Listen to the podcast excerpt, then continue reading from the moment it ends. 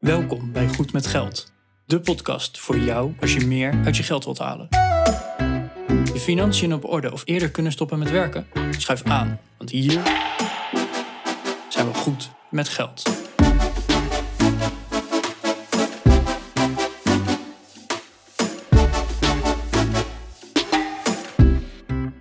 aflevering 115 van de Goed met Geld podcast.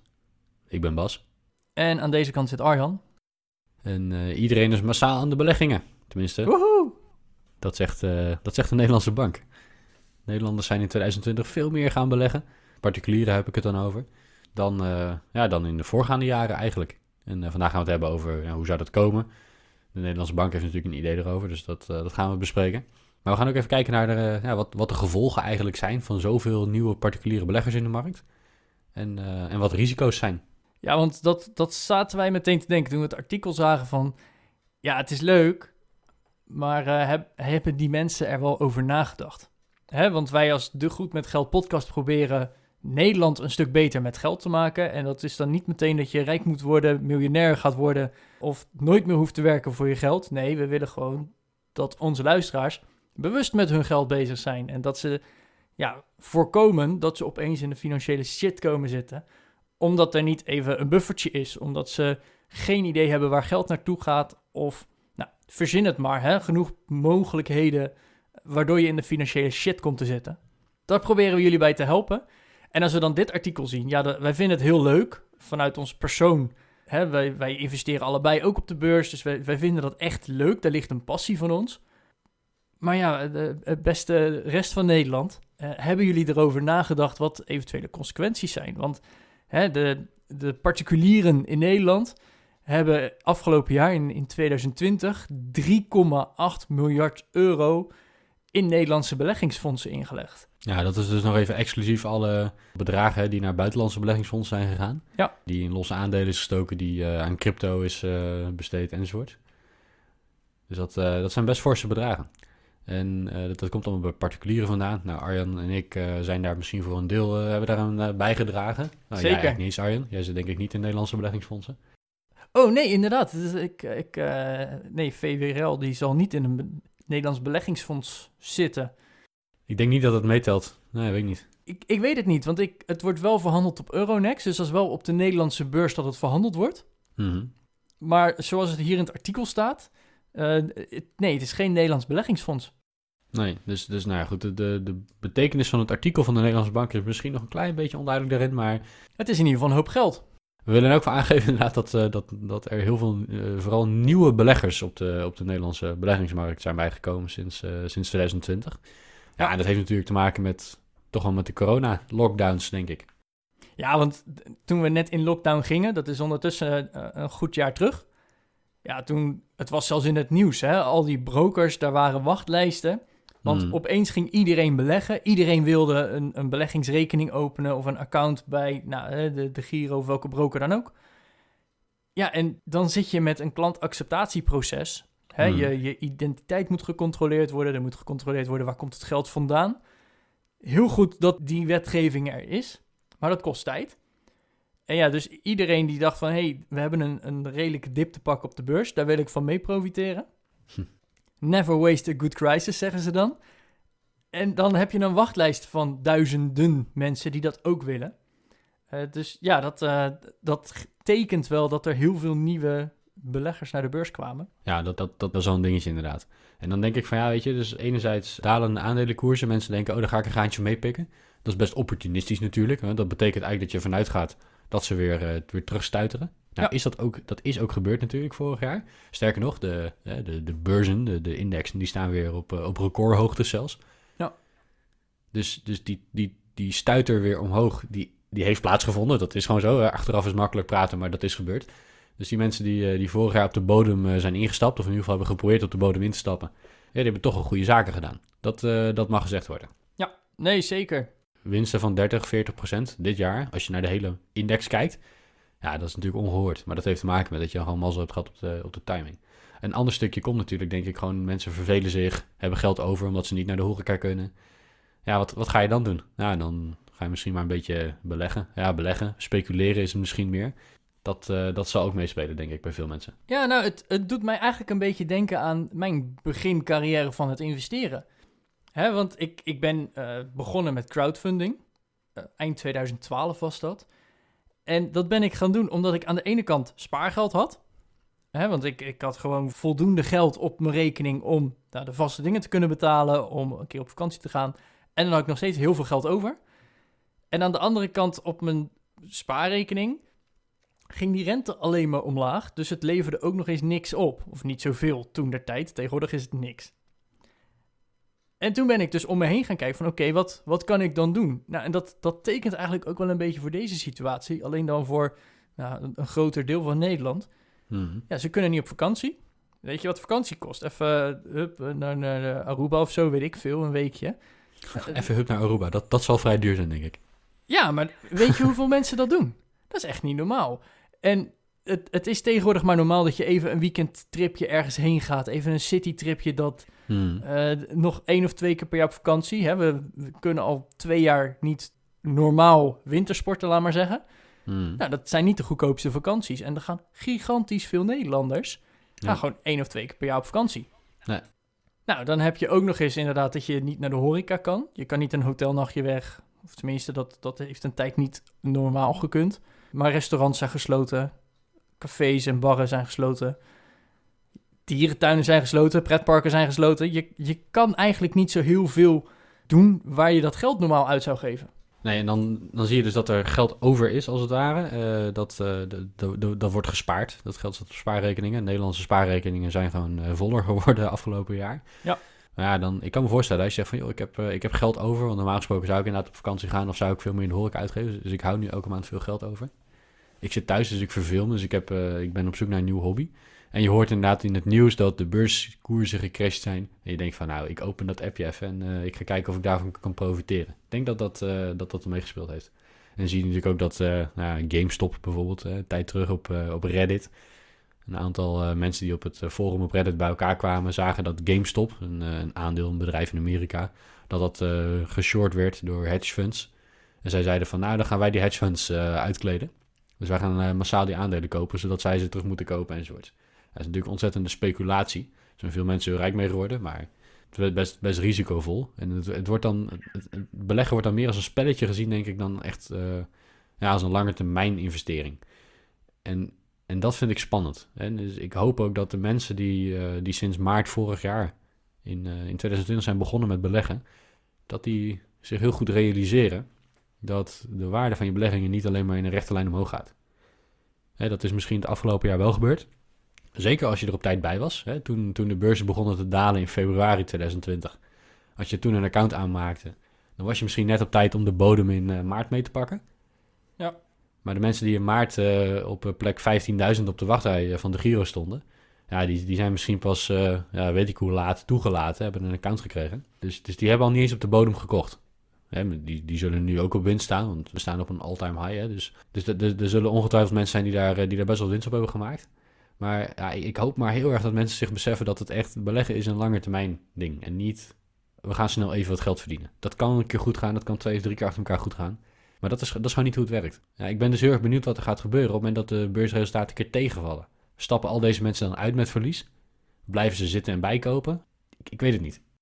Nou, ik, ik moet er even zeggen, en dat stemt me toch wel ergens gelukkig, ook in het artikel, en dat hebben we misschien nog wel onderbelicht, is dat er dus 3,8 miljard euro is ingelegd in Nederlandse beleggingsfondsen.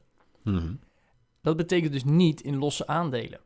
Nee, in beleggingsfondsen. Even verderop Mhm. in het artikel staat dat, het, dat die fondsen voornamelijk of een mix waren van aandelen en obligaties of obligaties. Mhm. Geen beleggingsfondsen die alleen maar uit aandelen bestaan. Nou, sowieso, hè, wat, wat wij als Goed met Geld podcast heel vaak zeggen, is van joh, probeer risico te spreiden.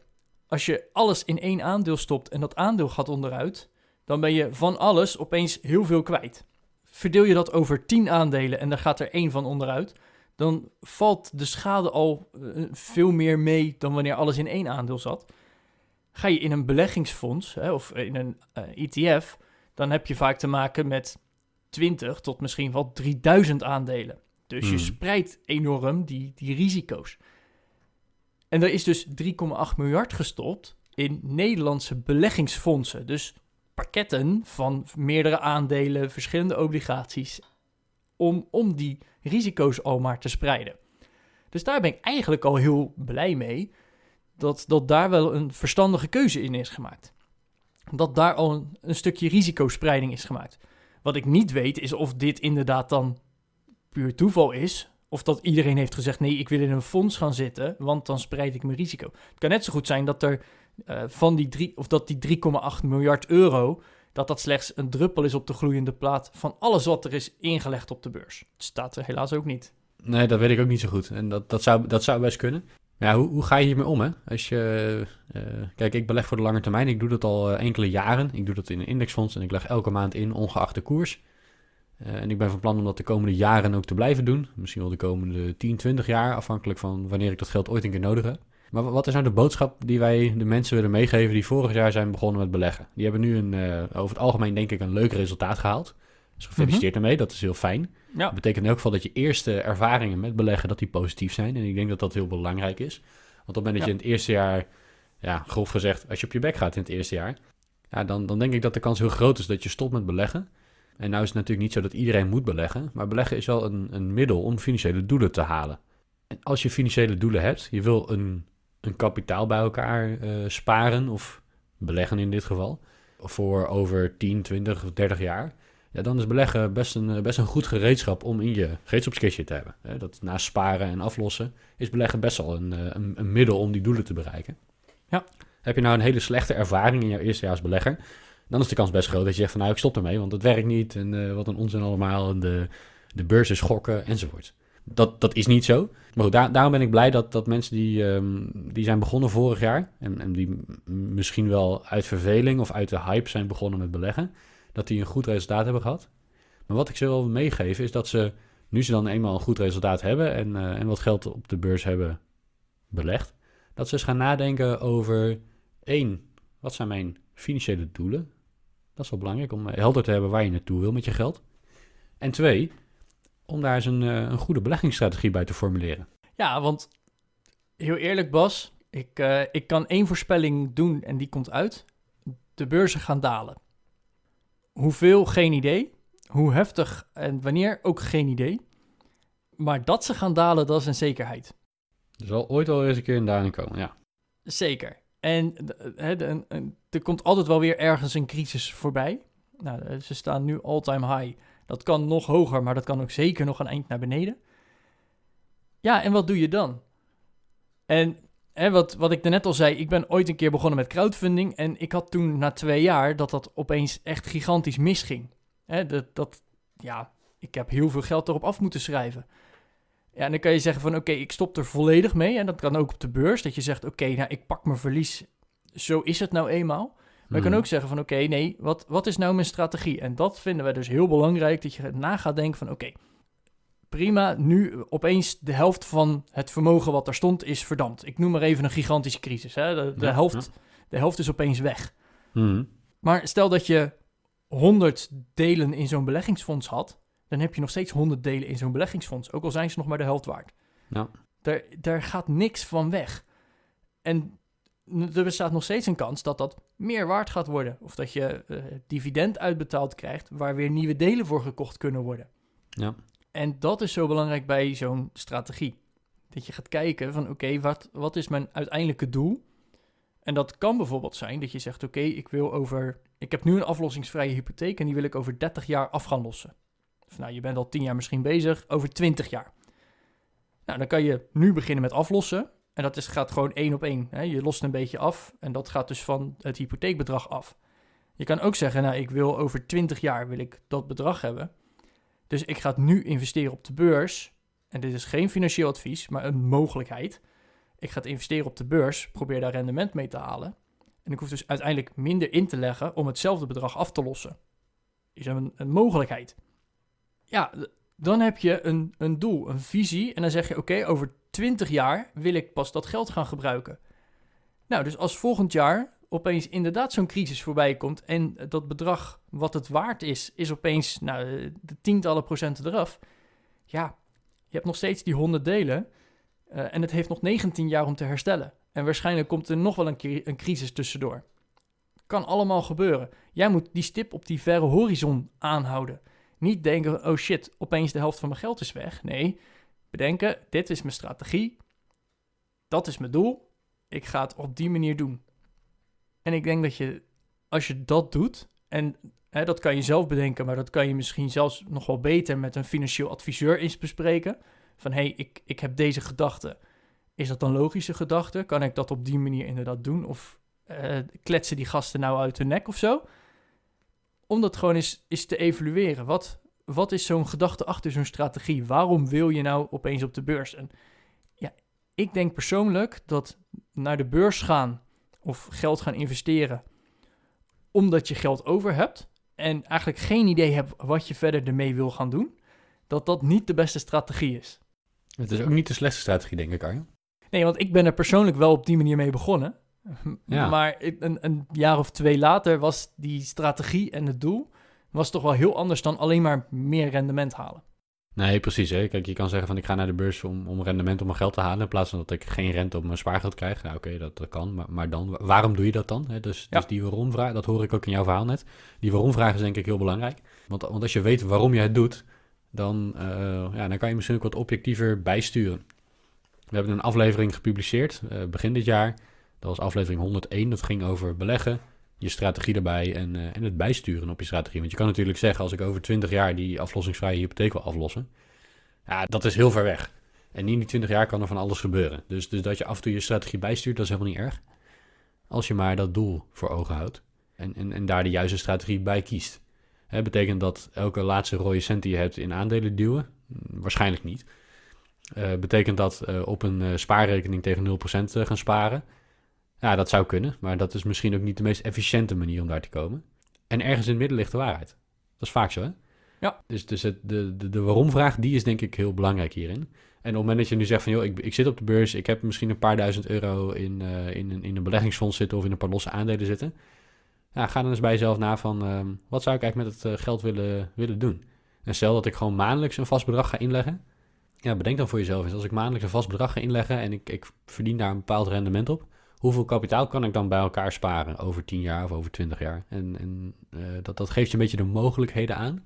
En daar kan je volgens een doel aan koppelen. Dat kan zijn inderdaad de aflossing van je hypotheek. Dat kan zijn minder gaan werken. Het kan zijn een verre reis maken, een sabbatical nemen. Of nou, noem het maar op. Hè. Er kan van alles nog wat gebeuren natuurlijk, waardoor je kapitaal nodig hebt in de toekomst. En, en als je de mogelijkheden ziet van het beleggen, dan kan je daar een, kan je daar een doel aan koppelen. En vervolgens inderdaad een, een beleggingsstrategie aanhangen vond de aflevering met, uh, met Judith Sanders van ABN AMRO, op onze aflevering nummer 105, vond ik daar ook een goede aan. Zij gaf ook heel erg aan van ja, beleggen is een, is een middel om een doel te bereiken. En het beleggen is nooit een, een doel op zich. Maar bedenk je altijd waarom je iets doet, waarom je gaat beleggen. Uh, en, en, zorg er dan voor dat je dat op de juiste manier gaat doen. En op de juiste manier is denk ik, zorg dat je spreiding aanbrengt. Maak het een maandelijks terugkerend iets. Ga niet proberen de markt te timen enzovoort, enzovoort, enzovoort. Dat zijn dingen die ik denk nou, die, die, die belangrijk zijn. Maar ga er wel over nadenken. Als jij nu een van die vele Nederlanders bent geweest die zegt van ja, oké, ik geef toe, ik ben in maart ingestapt, want ze stonden heel laag en ik denk ik kan daar rendement pakken. En als jouw enige doel is geweest om gewoon snel rendement te pakken, nou dan, dan dat rendement heb je nu. Dan kan je misschien zelfs wel het beste zeggen, oké, ik, ik stap er nu uit. Zou kunnen. Maar als je nu opeens dus inderdaad zegt van hé, hey, ik zit er nu in en ik ga met die flow mee, ja, dan is het dus inderdaad wel heel goed om na te denken over die strategie. Waar wil je heen? Wat wil je bereiken? En informeer je dan ook. Hè, want ik kan me zo voorstellen dat je redelijk spontaan erin bent gesprongen. Hè, op, opeens even een account aanmaken, want het staat nu laag. Nou, uh, doe die maar. En nou, ik ben er door, dus hup geld erin. Ja, en dan eh, denk ik dat nu wel echt de tijd is om ook gaan, te gaan evalueren van oké, waar ben ik nou eigenlijk ingestapt? Staat die partij wel in, in dezelfde normen en waarden als dat ik sta? Hè, er, er zijn genoeg partijen die in gewoon alle aandelen investeren. Terwijl jij misschien wel zegt van ja, maar ik vind het milieu heel belangrijk, dus ik wil bepaalde bedrijven uitsluiten. Of ik wil bijvoorbeeld de, de wapenindustrie of de tabaksindustrie uitsluiten. Het kan, maar ga daar dus ook dan nu eens over denken van hey, hoe, wat, waar ben ik dan ingestapt? Sta ik daarachter? En past dat in de strategie die ik wil eh, nastreven? En eh, ga ik daar ook het doel mee behalen? Ja, wat ik misschien wel voor ogen heb.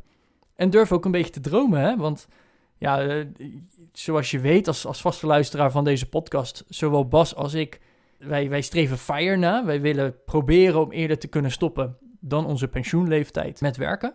Dat we ja, kunnen leven van het rendement wat wij behalen.